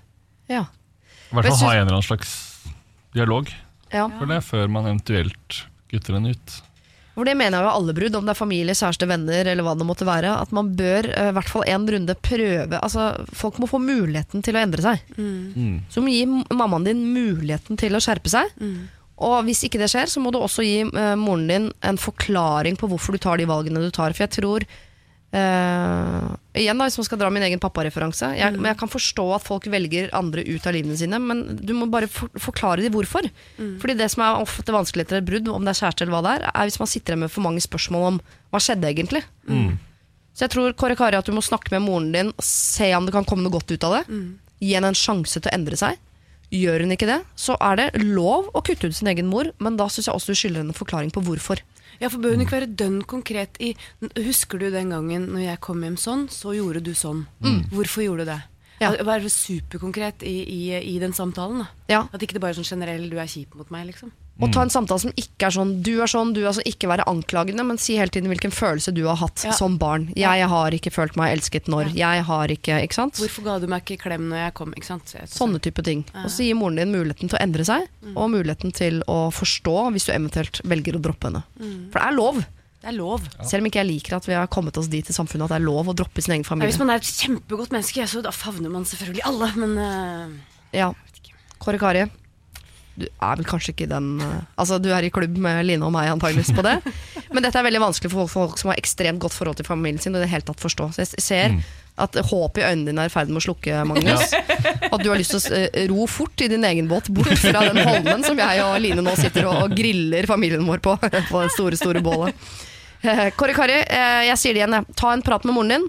Se om hun endrer seg. Gjør hun ikke det, og du bestemmer deg for å uh, kutte henne ut av livet ditt, så gi henne en forklaring på hvorfor. Siri og de gode hjelperne. Og det er altså på tide at eh, jeg, Siri, og mine to gode hjelpere, Line Verndal og Magnus Devold, skal snakke om sex. Ok, Er dere klare? Ja. Nei. Ja, jeg trenger ikke å snakke så veldig mye eksplisitt om selve sexen. Altså. Jeg er en jente på 22 år som har vært sammen med kjæresten min i snart to år. Mamma og pappa har så vidt truffet henne ved to anledninger. Da pappa tok det litt hardt at hans eneste barn antagelig ikke vil gi han barnebarn. Det stemmer jo ikke, men stakkars gamle mann, han vet ikke bedre. Nå har de invitert oss med til Syden i oktober, i forbindelse med at min mor fyller år. Og det er veldig, veldig hyggelig. Kjæresten min begynte å gråte da hun ble invitert. Men selv om dama er fantastisk, så har hun en utfordring. Hun er meget høylytt i senga. Vi har prøvd å gjøre det stille ved flere anledninger, men hun får det ikke til. Hjemme hos henne har de fleste hørt oss, altså foreldre, søsken, naboer. Så hva skal vi gjøre i Syden, da? Skal vi avstå fra hele sexen, eller? Skal de bo langt unna foreldrenes rom, eller? Det skal de sikkert ikke da, i og med at det er et problem. Så Ja, nei, jeg tror de bor i et, eh, skal bo i et bopel der det, dette vil bli et problem. Hvor lenge skal de være borte? Nei, Syden det er vel sju eller ti dager, da, antagelig. Ja, Det går jo an å avstå fra det. Eller så må man kanskje være litt snedig eh, med at når f.eks. hele familien skal ned på stranda, Ja. så kan man eh, snike seg opp i huset igjen, eller eh, Ja. gjøre noen sånne ting når, det, når de andre ikke er hjemme. ja. Eller så får dere gå til en eh, sexstrand, hvis det fins. Eller bare være et eller annet annet sted. ja. Være, eller andre, helt andre steder. Kanskje Gå på et ekstra- do på kjøpesenter, eller Å, så romantisk. Mm. Ja. Altså, nå begynner jeg å se for meg uh, altså, Sex på do fungerer jo, men med to jenter Det er jo verre, faktisk. Og veldig høylytt, da, gitt. Det Ja. Kanskje litt dumt, det òg. Ja. muligens. Ja. Ehm, Fordi Jeg liker jo tanken på at de må snike seg rundt. At man nærmest Mm. har et sånn rollespill på Vi må nærmest late som vi ikke er sammen. Så hvis vi skal ligge sammen, så må ingen vite om det. Ja. Så vi må snike oss rundt. Finne sånn, Oi, liksom nå glemte vi badetøyet vårt, vi må nok dra opp i huset igjen og hente det. sånne type situasjoner. ja. Det er veldig lurt. Vi kan låne bilen og kjøre opp igjen, vi. Ja. Og så har man huset for seg selv. Ja. Vi stikker og handler, vi. Mm. Kjapt innom nudistranda. Ja. For jeg tror nemlig det er lov å ligge sammen på nudistrand. Så mye erfaring har jeg med nudisme. Kanskje ikke det. Ja, de skal, Syden er jo ikke Tyskland, så de skal antageligvis ikke til Tyskland. Eh, men samtidig så vil jeg stille spørsmål for i og med at de spør, og i og med at de er hjemme hos henne, altså den, eh, ikke innsender, men den andre jenta, så har de ligget sammen flere ganger, og alle har hørt, og det er ikke noe problem. Man kan jo ha et sånn forhold til det også. Sånn, ja, vi ligger sammen, denne lyden lager det.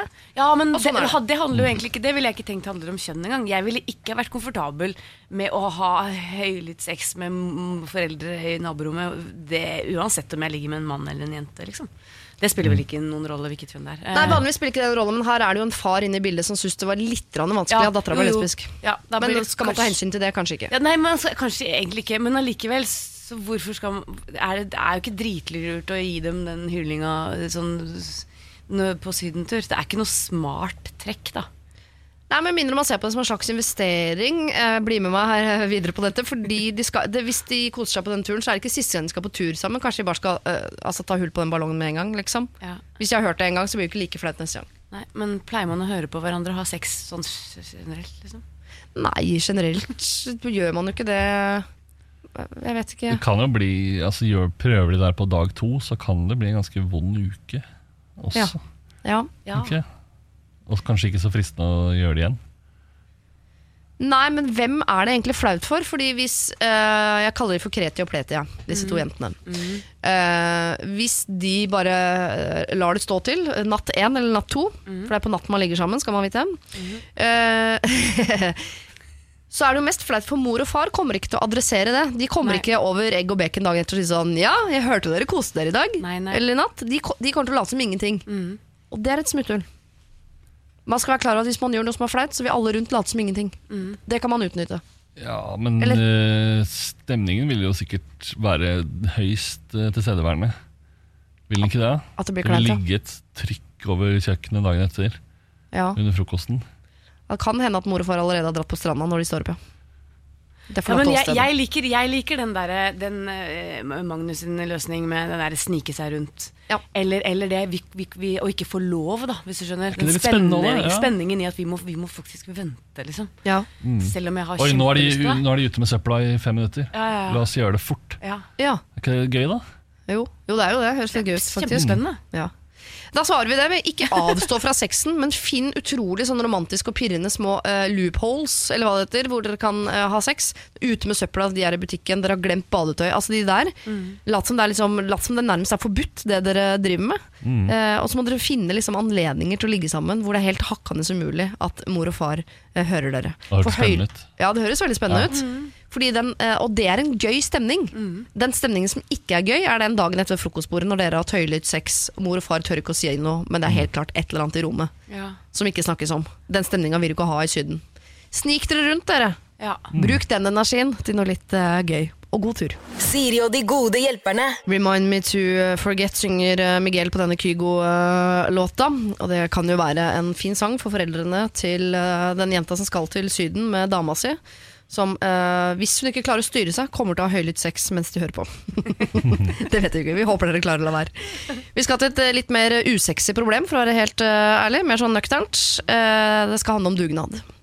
Hei, jeg er en mann på 23 år som nylig har blitt innsatt som styreleder i boligsameie. Her er vi 16 leiligheter, og jeg er den yngste som eier bolig. Gjennomsnittsalderen på eierne i sameiet er 40. Som styreleder har jeg ansvaret for at folk stiller opp på dugnad to ganger i året. Høstdugnaden som gikk av stabelen i forrige uke var intet mindre enn et kaos.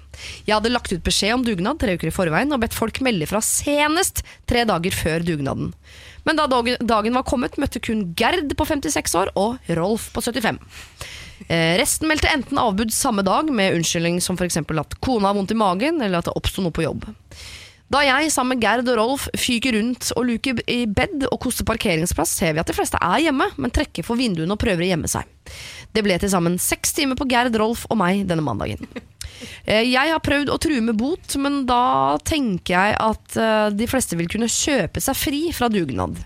Er det noen som har erfaring fra dette, eller har noen gode råd, så setter jeg umåtelig stor pris på det. Hilsen oppgitt styreleder, Kalma Jonathan.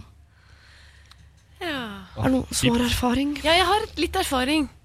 Eh, for jeg hadde ansvaret for eh, kakebakinga på loppemarkedet til, datteren, til korpset til datteren min. Ja. Eh, og da, da hadde jeg ansvaret for de listene med kaker da, og vaffelrøre som da måtte leveres lørdag morgen og ikke søndag morgen. For da kan det hende at vi ikke har nok vaffelrøre til lørdagen. Eh, og, og, og veldig fint hvis dere lager noen litt fine kaker, for da kan vi selge. Men da, det, det jeg skjønte, var da Trikset var ikke å være kjip, og ikke være sånn kom, nå må dere, og nå skal dere, og nå får dere bøter. Hva faen, sånn, sånn type taktikk funker jo ikke, for da blir jo folk Jeg blir, jeg blir veldig provosert av det selv. Så jeg skrev sånne lange mail uh, hvor, jeg, hvor jeg forklarte hvorfor det var viktig. Hvorfor er det viktig med dugnad? Ja. Eh, hvorfor var det viktig at de der vaffelrørene ble levert? Og hvis dere lager litt kulere kaker, så kan vi eh, selge dem for litt mer penger. For da, ikke sant? At, jeg, at jeg hele tiden eh, behandlet dem som, som eh, voksne folk som, som, som fikk en grunn, da. I Ja, stedet ja. for at man bare blir kommandert rundt. Eller du prøvde å skape eh, positivt engasjement heller enn en sånn Sånn eh, konsentrasjonslærfølelse. liksom. Ja, liksom. og det resulterte i at vi fikk dritbra kaker, og vi solgte jo mer enn noensinne. Ja. Eh, og folk var stolt av det de kom med, og skulle vise det til meg. Og det var liksom, virkelig. Men det var fordi jeg forklarte liksom sånn, hvorfor vi gjør det sånn, fordi vi er jo sammen om dette. liksom. Så hvordan vil du ha, formulert neste innkalling til dugnad, da? Det finnes vel masse måter når det gjelder dugnad i et sånt samarbeid. Det er jo sikkert mye de må gjøre uti Er det ikke litt kulere at det er ryddig rundt her, liksom? Og det gjør seg jo ikke av seg selv. Vi må jo gjøre det sammen. Ja. Eh, Vær så snill. Det, det må da være mulig å formulere det på en måte som gjør at de skjønner at ja, fader Ulla, vi må skjerpe oss, liksom. For det er jo jævlig smålig å ikke dukke opp, da. Ja. Alle har jo dårlig samvittighet for det.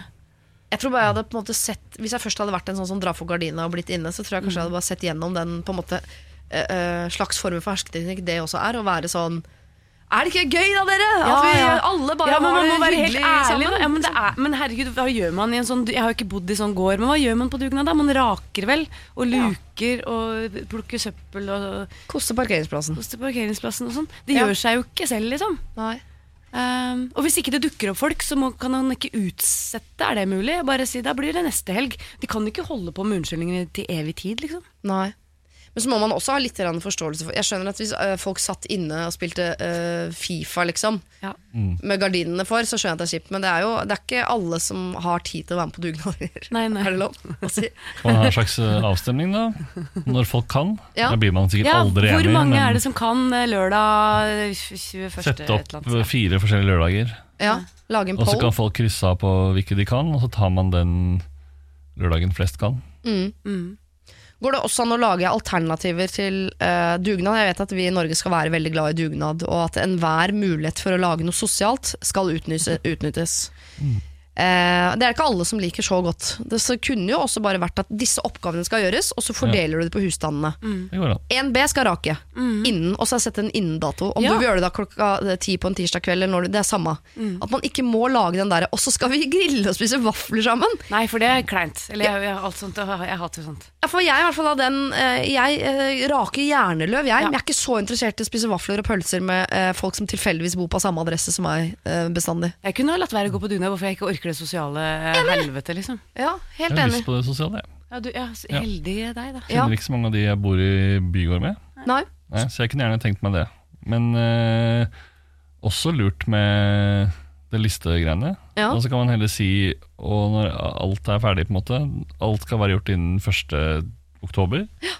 Fordi da er det pizza og vafler for de som vil det. Ja. For de som kan da. For de som vil, ja. Kanskje man skal si sånn innen uh, 31. oktober så skal disse oppgavene være gjort, og så fordeler man oppgaver. Uh, men uh, altså, har du vond rygg og kan ikke rake, eh, så bytt oppgaver internt. Ja. Eh, men hvis noen vil gjøre det til fellesskap, så kommer liksom på en måte final, le, grand final innen eh, dugnad. Blir den søndagen. Da blir det pizza og pølse klokka ti. Eh, Alle oppgavene må være gjort innen det. Går det også an, jo, det, er, det synes jeg er kjempegod løsning, men går det også an å si sånn hvis alle betaler 500 kroner hver, så bare leier vi noen til å gjøre det? Absolutt. Det går også an. uten tvil det beste alternativet. Det, det jeg, jeg skjønner nå at det ikke er, dere er ikke så gi- gira på dugnad. Er det en idé å bare samle inn penger, og så bare leie vi noen? Det er også en mulighet. Ja. Og så leie noen til å spise pizza etterpå. Men da røsker du Ja, det er fint. Men da røsker du på en måte, eh, føler jeg, folkesjela ut av det er oss nordmenn. Ja, Ja, det det er er ikke den borte for lenge siden, da. Det er ingen som egentlig vil Ja, det er ikke mange år siden Petter Skjerven kåret dugnad til vårt nasjonalord. Ja, ok. Ja. Mm. Så jeg, jeg syns vi skal holde på dugnad, men at vi kanskje må være litt mer sånn eh, At ikke det trenger å være dette tidsrommet, liksom. Nei. Nei, jeg, jeg, ja. Jeg går for mitt eget forslag, jeg, dere. Er det lov? Ja, det er lov. Jeg elsker, jeg elsker å, å være sånn som lager sånne systemer. Ja. Det er jo ikke helt uten grunn at man har tatt det ansvaret i klassen og sånn. Det Kjempegøy å fordele oppgaver. Ja. Um, så kanskje du skal gjøre det, Jonathan. At du ved neste dugnad gir noen alternativer. Altså, du skal gjøre dette, du skal gjøre dette, du skal gjøre dette innen. Hvis dere gjør det i fellesskap, så kommer vi til å avslutte det hele den og den datoen, klokka da og da, med pizza og pølse. Og hvis det ikke fungerer, så går vi for alternativ C her. At neste gang da, 500 kroner på hver, leier en til å gjøre det. Men da skal du vite at du røsker folkesjela ut av den norske befolkning. Da har du, Jonathan, da må du bære det på dine skuldre. Siri og de gode hjelperne. Ina Wroldsen hørte du der med sin eh, Strongest her på Radio 1. Hvor eh, jeg, Siri Kristiansen, nå har gitt dagens gode hjelpere en liten eh, kaffepause. Det er da Line Verndal og Magnus Devold. De er straks tilbake. Eh, Men jeg tenkte jeg skulle oppdatere deg på hvordan det har gått med en som har fått hjelp her hos meg eh, tidligere. Da var det altså Jørnis Josef og Selda Ekiz som var mine gode hjelpere, og det var Mia som sendte inn et eh, problem. Hun hadde en eks som vi skulle kalle for Thomas. som, ja, det var jo en eks, da. de hadde vært sammen en stund, nå var de ikke sammen lenger. Og plutselig nå så har moren til denne eksen foreslått at ikke de to skal møtes for å ta en kaffe en dag. Og Mia var eh, litt undrende til om det er liksom noe man i det hele tatt kan gjøre. Kan man gå på date, eller kaffedate, da, med sin eks-svigermor? Og hvis hun skulle velge å gjøre det, skulle hun, eller kunne hun da fortelle at hun allerede er i gang med å date en ny fyr, eller er det noe hun vil synes vært trist, eh, og noe hun vil eh, videreformidle til sin sønn? Og i det hele tatt. Hun var usikker på skulle hun drikke kaffe med henne, og i så fall, hva skulle de snakke om? Eh, hva Jonis Josef og Selda Ekiz, mente at eh, Mia skulle gjøre, det hører du et utdrag av her. Jeg skjønner hvor du kommer fra, for det kan være hyggelig. Jeg har også en eks-svigerfar som jeg syns var dritkul. Ja. Og er Eks-svigerfar, ja. Men, han, eh, men du, du, du, du kan jo ikke gjøre Kan jo ikke det! Det blir for rart. Skjønner du? Du har gjort det slutt. Du, gjør det slutt med hun og alt som kommer med henne. Hadde hun ikke begynt å deale med noen andre, så tenk, hadde jeg tenkt ok, ta den kaffen, eh, Ja. vær hyggelig, liksom. Men nå som hun er liksom begynt å date en annen kar og liksom føler at det, er- det går den rette veien, liksom, så er det kanskje litt spesielt, eller? Og, så, og Nei hva skal man møtes. snakke om? Hva skal man snakke om? Altså, sånn, ja, ja, det var, jeg er ikke sammen med guttungen din lenger, men jeg har møtt en annen kjekk fyr som tar bra vare på meg, og er en veldig veldig ålreit fyr i forhold til han fyren du kaller en sønn. Ja, det var sånn, jeg, jeg ser ikke hvordan den samtalen der skal generere noe positivt. Den burde i hvert fall ikke være sånn. Det var altså noen av uh, tipsene og rådene som Jonis Josef og eh, Selda Ekids hadde å gi til eh, Mia uh, i forhold til om hvorvidt hun skulle gå og ta en kaffedate med moren til sin eks. Hvis du vil høre hele, så kan du selvfølgelig laste ned vår podkast, som du gjør da der hvor du vanligvis laster ned podkaster. Det er da altså episoden med komiker Jonis Josef og komiker Selda Ekiz, om du vil. Eller programleder Selda, som hun også er. Vi har fått en eh, ny mail fra denne Mia etter at hun hørte seg selv bli hjulpet på radio, hvor hun skriver Hei Siri, og tusen takk for at du og Selda og Jonis tok opp mitt eh, problem. Jeg har selv tenkt tanken på at om man slår opp med en eks, så slår man opp med hele familien, som dere jo sa. Men det ble litt rot da det var svigermor som jo tok initiativet. Jeg har valgt å gjøre følgende. Jeg får regelmessig Snapchat av min eks-svigermor om ting hun gjør og gode måltider hun lager. Da har jeg valgt å svare på disse Snapchatene med hvor opptatt jeg er hvor mye jobb og skole jeg har om dagen. At jeg rett og slett har mye på tapeten om dagen. Og later som om jeg har glemt det hele litt. Det er kanskje å gå rundt grøten, men jeg vil rett og slett ikke lage noe tema ut av det, og unngår samtalen så lenge jeg kan. Dersom hun tar opp kaffe i senere tid, kommer jeg bare til å påpeke hvor mye jeg har å gjøre. Jeg følger da rådet deres med å droppe kaffen og gå videre. Angående dates, eh, nå snakker hun da om denne nye fyren hun driver og dater. Vi hadde ikke sex på tredje date, vi var veldig nære, men begge ville vente. Jeg er redd for det Jonis sa om at eh, videospill man runder første forsøk, osv.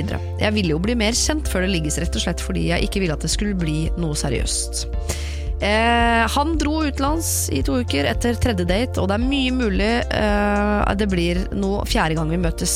Men det frister mye å vente til forsøk nummer fem. Tusen takk for gode råd og tips. Hilsen da klem fra Mia, som hun egentlig ikke heter. Så bra, Mia. Det er lov å gå litt rundt grøten. Altså Hvis eh, det ikke liksom er noe som begynner å brenne ved at man går rundt grøten, syns jeg det er helt greit å gå rundt grøten en periode. I hvert fall hvis det er for å skåne andre mennesker som ikke vil noe annet enn å være hyggelig. Hvis det er rundt grøten du må gå for å utsette denne kaffedaten eh, forhåpentligvis til det uendelige, ja, så syns jeg du skal gjøre det. Det er ikke på en måte en konflikt eller det er ikke en samtale man må ta. Så gå rundt grøten, du, og hvis hun på en måte stopper deg på runde nummer 300 der, ja, så får du heller fortelle henne hvorfor du ikke ønsker å ta denne kaffen. Og det er helt greit. Det skal du ikke ha dårlig samvittighet for.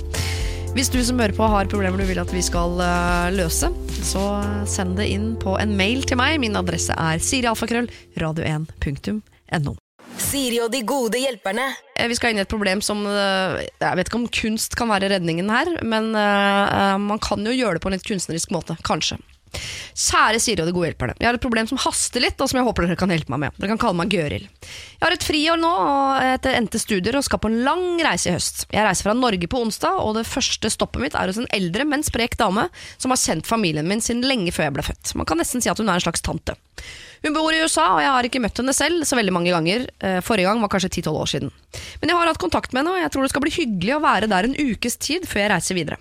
Problemet mitt er for noen dager siden sendte hun en melding og sa at det var en gutt som er praktikant hos fysioterapeuten hennes, som hadde lyst til å møte meg, og ga meg hans e-post og sa at jeg skulle sende en melding.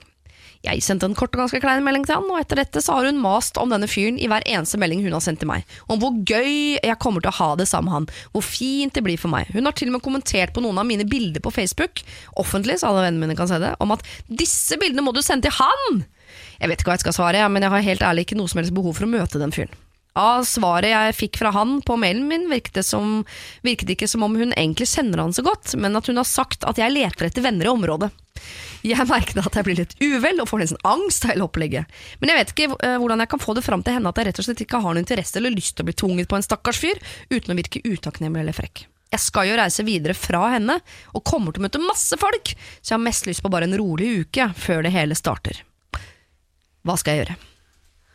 Gjenkjennelig med sånne gamle tanter som pusher på deg folk. Ja, er det det? Er det ikke det? Jo Jeg føler jeg hadde mye av det der da jeg var liten. Ja. Gamle tantene mine på Sørlandet når jeg var på sommerferie der. Skulle alltid dytte meg bort til nabobarn som jeg var firmenning med, eller noe sånt, og jeg måtte leke med de. Og ja. det var jo litt annerledes når man er barn, da. Men uh, kjenner igjen at gamle at tanter den- er sånn. ja. Og den kleinheten også på sånn Ja. Hei, vi er visst i slekt, jeg skal være her noen uker i sommer, kan vi leke? Ja? Ja. ja. Men er ikke dette også Det kan være en generasjonsgreie, men er det ikke også litt Norge møter USA, dette her? Jo, det er det nok òg. Vi vil jo bare være for oss selv Mm. og holde på med våre ting. Ja. Det er vanskelig å bli liksom prakka på noen, men eh, Jeg vet ikke hvor i USA hun bor, om hun bor i midt på Manhattan, eller om hun bor i, på en slette i Colorado. Ja, Colorado. Eh, og liksom hvor mye det er å gjøre der. Om hun kan enten legge ekte eller falske planer og aktiviteter og Ja. Ting, om ting hun skal gjøre, som, eh, så det ikke er så lett å ha med seg han på. Eller eh, Jeg bare jeg vet ikke. Eller, Altså- bare, eller kanskje også bare si til han at uh, hun hadde veldig lyst til at vi skulle møtes, uh, men jeg har egentlig lyst til å være mest alene. Vi kan gjerne ta en kaffe en dag, eller noe sånt. ja. men eh, Jeg tenker, trenger altså, ikke å henge med deg hele tiden. For han, han vil- har jo kanskje ikke vært så gira som det hun, tante Brun, har vært. Tante Bossa. Men altså, øh, han er jo amerikaner. Og nå skal Ja. ikke jeg dra alle amerikanere under en kam, men de er ganske øh, kontaktsøkende, eller de er flinke på å snakke med folk. Altså, De snakker med hverandre på bussen, er mitt inntrykk. Og jeg tenker, Hvis du skal ut, du øh, Gøril nordmann liksom, skal ut på tur i verden i et år aleine og skal treffe masse spennende folk, men du vil bare slappe av en uke først, tenker, skal du ikke bare hive deg i det? Kanskje han derre øh, Doug, som han sikkert heter, er en utrolig kul fyr med masse venner. Som kan si sånn Jeg kjenner masse folk jeg, du, som du kan dra eh, her. Dere, bli med, de skal til Niagara Falls neste uke. Ok, kult, jeg blir med. jeg tenker, Hvis man først skal ut og reise et år alene, så må man jo ha den motoren. Mm. Jeg skal Ja. treffe folk, se hvilke muligheter de gir meg. Ikke jeg skal ned og slappe av som gammel tante på Colorado-sletta, se om det er noe til tankas. Ja, men er det, ikke, det er mye kulere å henge med Josh enn å henge med tante Brun, liksom? Er det ikke det? Egentlig. I hvert fall hvis hun er så gæren som hun virker i, i det hun skisserer der, da. Jo, og Hvis hun tar en kaffe med eh, Doug eller Josh eller hva han heter, tidlig i denne uka, og han viser seg å være helt idiot, ja, så har hun jo fortsatt seks dager å slå i hjel helt aleine ute på sletta der. Ja. Men, Og hvis du skal ut og reise alene, og du, man får nok alenedager hvis man vil det. Absolutt. Men, men sånn som du snakker om eh, USA møter Norge, for jeg har jo vært mye i USA, jeg òg. Det har sikkert du òg. Ja, nei, anyway. Jeg har vært der to Eh, ganger, hata det begge gangene. Å, Skal ja, aldri tilbake. Jeg har bodd der liksom i et år og vel så der. Men, men, men, men det er jo en sånn Jeg tror ikke han eh, tenker at han skal henge med henne hele uka, liksom. Det er sånn Hi, my name is Josh. So, so nice to meet you. Det er jo bare De er jo så overfladiske, som Ja. regel. Og så vil de- Josh si eh, You know Mike, my friend. ja, ja, Og så plutselig er du på kaffe med Mike. Ja, ja, ja. Så er Mike dritkul, og så kommer Heather, liksom. Ja, ja. Og så blir det Og så viser det seg at det er eh, Heather. Locklear, liksom. Og så plutselig er du i LA, og så er du med en uh, scene av Melrose Place, sesong 39. You never know. Uh, og det er ikke så inne Jeg tenker også bare kast deg i det, for det kan hende det er dritkult. Ja. Eh, Ta det som en øvelse på veien. Fordi hvis ikke du klarer å liksom gjøre noe gøy med en amerikansk fyr som heter Josh, som er mm. eh, fysioterapeutlærling, eller hva han var for noe, da blir det vanskeligere å komme til Rotorua, liksom, i eh, Jeg vet ikke hvor det Ja, ligger i verden, ja, men eh, på New Zealand eller noe. men han, han tror jo ikke han skal bli bestevenner med deg uansett. Amerikanere de, de stikker jo ikke så dypt, i disse her overfladiske vennskapene, liksom. Nei, I hvert fall så blir du knadd, da. Ja. Og det- Jeg mener, Det hørtes seksuelt ut, men hvis han er eh, praktikant og som fysioterapeut, ja. På en runde knaing Jeg kast deg ut i det. Herregud, du har, du har ingenting å tape. Nei, Kan du ikke slappe av litt før du drar, da? enig. Sånn at du er litt klar for et eller annet som skal skje. Sitte litt på bussen i Norge og ikke snakke med noen. Det er kjempedeilig. Unnskyld, altså, det var ikke dette her du ville ha tipset. Du ville vite hvordan du skulle få sagt fra til din tante om at jeg er ikke så interessert i å møte han, men det, altså, noen ganger så skal man ikke Det er ikke alle situasjoner man skal komme seg ut av. Noen ganger så skal man bare øh, gjøre det. Altså treff Doug første dagen der nede, ta en kaffe med han. Så har du pleasa tanta di, du har gjort det du skal. Kanskje har gitt deg noen muligheter til å oppleve noe helt sinnssykt som du aldri kommer til å angre på. Eller kanskje det var det, og så kan du slappe av de resterende seks dagene. Se for å lage noe nummer ut av dette med tanta di. Mm. Nei, nei, nei. La dialogen ligge. Det er ikke ofte jeg sier. Ikke gå i dialog her. Ta en kaffe med Doug. Mye, mye lettere. Ta mye kortere tid. Siri og de gode hjelperne. Søndager fra to på Radio 1. Nå er det tid for at jeg skal dele ut noen handlenett til alle som har fått hjelp her hos Siri og de gode hjelperne i dag. Før de gode hjelperne, altså Line Verndal og Magnus Devold, får dele ut hvert sitt handlenett til valgfritt menneske med valgfritt innhold hvor som helst i historien eller verden. Jeg skal da altså dele ut et handlenett til deg, eh, Silje, som har truffet en eh, svenske og har blitt forelsket for første gang på mange mange år, og nå lurer du på hva du skal gjøre for å treffe han igjen. Vi har jo bedt deg om å, å uh, si fra nå med en eneste gang om at du vil treffe han igjen, og ta resten derfra. Så vil jeg gjerne sende et uh, handlenett til deg, rådvill jente som akkurat har begynt på videregående yrkesfag, mens alle venninnene dine har begynt på vanlig allmennfag. Du må lage deg din egen boble på skolen der du eh, har begynt, få deg noen venner der, samtidig som du inviterer deg selv med inn i bobla til de andre seks eh, venninnene dine. Eh, Jeg vil sende et uh, til deg, Stian, 25 år, som vi har bestemt i dag at skal feire jul hos din mor, slik som du pleier, men at du også må besøke din far ganske tett bak. Et handlenett til Preggo Keiko, som er lei av å stå på toget hjem i rushen uten at noen reiser seg slik at hun skal få lov til å sitte. Du må bare fremstå som enda mer gravid, ikke bare i magen, men også i fjeset. Og er det ingen som reagerer på det heller, så må du faktisk gå bort, prikke folk på skulderen og be om å få lov til å sitte. Så vil jeg eh, sende handlenett til Kåre Kari. Uh, hen har et problem med sin eh, mamma, som er en kjip person. Og rett og slett spurt om tillatelse til å droppe sin mor. Det fikk du vel ikke helt. Du fikk uh, heller tips om å snakke med din mor, se om hun kan endre seg. Eh, endrer det seg ikke, så må du, hvis du velger å kutte henne ut av livet ditt, så må du i hvert fall forklare henne hvorfor, sånn at hun kan eh, ha en forklaring på hvorfor hun ikke har kontakt med sin datter, og ikke blir sittende helt i limboland. Så vil jeg sende et uh, handlet, eller kanskje to, til dere to jenter som skal til Syden med eh, foreldrene til eh, en av dere, og som lurer på hvordan dere skal klare å ha sex uten at de skal høre det. Eh, da må dere bare finne smutthull, ha sex når de har gått ut med søpla, eller dra tidligere på stranda eller et eller annet. Eh, og i det hele tatt gjøre det i det skjulte, finne litt eh, mystikk og pirring i det greiene der. Jeg vil sende et handlet til Jonathan, som har hatt dugnad i borettslaget. Det var bare Gerd og Rolf som møtte opp. Hvordan skal han få flere til å møte? Skisserte vi altså på en helt ny måte å gjennomføre dugnad på. Jeg tar copyright på konseptet og krever 25% av alt du måtte tjene på det i fremtiden. Eh, til slutt vil jeg også sende et handlet til eh, deg, Gøril, som skal på jordomreise det neste året. Første stopp er USA. Der vil du helst ikke treffe terapeutpraktikant Doug, eller Josh, men det må du faktisk. Det ville du ikke, men det må du faktisk. Line Verndal, hvem vil du sende handlenett til? Eh, og eh, I frykt for å være veldig sånn korrekt, så det tenker jeg at jeg må være det allikevel. på en måte Har det blitt feil, å være, feil å være korrekt? Nei da, men eh, man føler at man jeg er ikke sånn humoristisk og sånn kul og morsom, og sånn, man er bare så innmari som vanlig. Nei, men eh, jo, eh, jeg vil gi handlenett, handlenett til eh, alle de menneskene som eh, hjelper meg å få livet mitt til å gå rundt. Ja. Eh, og da tenker jeg spesielt akkurat nå, for jeg var nettopp på Spond, som er en sånn app for håndballforeldre. Ja. Eh, der er det hauger av folk, alle foreldrene som datteren min spiller håndball med. Har du melket datteren din i korps og håndball? Altså de to aktivitetene som krever mest kakebaking og frihelg? Ja. Lurt, Line. Ja, Fortsett. det ikke, ja. Men det fins gode hjelpere der, da. Ja. For jeg har ikke lappen. Eh, og det er håndballkamper hele tiden. Eh, og da må jo datteren min sitte på med noen. Ja. Hele tiden! Så jeg sender jo hele tiden. Sånn kan Helle sitte på med noen. Så Ja. jeg kom nettopp fra en sånn Og jo da, hun kan sitte på både lørdag og søndag. Eh, Noen foreldre som bare Og de melder seg så fort på. Ja. Og de, det er null stress at hun er med. Og de er så jævlig hyggelige at de, de stakkars alenemora uten lappen får så mye hjelp, da. Ja. Så disse folka, alle disse foreldrene Jeg tror ikke de tenker stakkars alenemora, de tenker sånn Det er hun fra Himmelblå! Oh, ja. Hun fra Aberbergen! Ja, hun fra Det kunne vært verre! Har sendt Ja. meg melding, Jeg se! sender- Vi kjører bil med dattera hennes. Det er nesten som å treffe mora!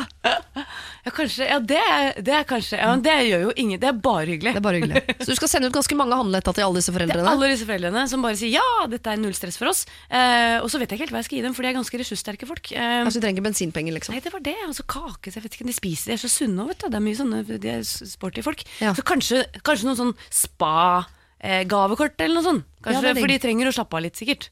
Ja. Og få litt sånn behandling. Ja. Sånn, eh, ja. Spa-gavekort i handlenett til alle foreldrene som kjører datteren din til og fra håndballkamp hver eneste helg. Rett og slett. Ja, Jeg fikk lyst på et handlett fullt av spagavekort. og det var digg. Ja. Jeg er fysen på det sjøl, mm. Skikkelig fysen på det. Stappfullt av gavekort. Bare én krone på hvert gavekort, da. Det blir bare en ansiktsbehandling til sammen. Det er litt kjipt, da. Hva med deg, Magnus Devold?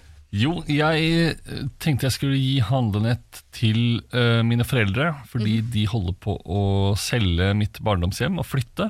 Nei. Og da spør de hele tiden om uh, jeg har kasser og poser og bager og ting som de kan låne for å drive og flytte ting ut. Ja. De, de er hoarders, og nå skal de snart ta bilder til uh, Finn-annonsen. Ja. Så er det masse ting som må ut. Ja. Så da skal de få noen helt tomme handlenett som de kan fylle med ting og få det vekk. Prøver de å prakke ting over på deg? Sånn, Magnus, skal du ha dette gamle elevforsøket fra bioen på videregående, der du Ja. har dissekert et kuøye og tegnet etterpå? Ja, det er akkurat det de gjør. Sier du ja? mye. Jeg, er også litt hoarder-typen. Ja. Så jeg har, men nå har jeg tatt med noen svære esker ned til min egen leilighet. Mm. Og der må jeg ta en ny runde, fordi eh, i huset til eh, foreldrene mine så virker det som uh, man har all plass i verden. Mm. Men så tar den med til min 45 kvadratmeters leilighet. Så må jeg ta en ny runde og kaste ting etter jeg har sett at oi, dette får ikke plass, dette får ikke plass. dette får ikke plass. Ja, det er ikke sikkert du trenger 46 sånne uh, glass som man kan ha portvin i, som du ikke har begynt å drikke ennå, liksom. Nei, ikke sant. Ja. Men syns du det er trist at barndomshjemmet skal selges? Ja, det er det. Ja. Syns det, altså.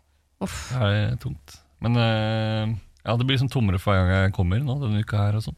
Og så ligger det plutselig på Finn, og så er det lagt ut sånn glassbord og kuskinn og Ja, noe lime det- på bordet og sånn. Det hører Ja, ikke hjemme der. Det gjør ikke det. Og så kommer det en sånn douchebags fra reklamebransjen sikkert og kjøper det. Jeg husker da mitt barndomshjem ble solgt, da var det en fyr som sa sånn Åh, det skal bli deilig å flytte inn her, altså. Ja, jeg skulle egentlig vært på jordomseiling jeg, med noen venninner, men de ble sjuke, så da brukte jeg penga på persiske tepper, jeg. Og jeg og moren min, østkantfolk, bare Åh, jeg håper du dør en sakte død i dette huset. Det gjorde han ikke.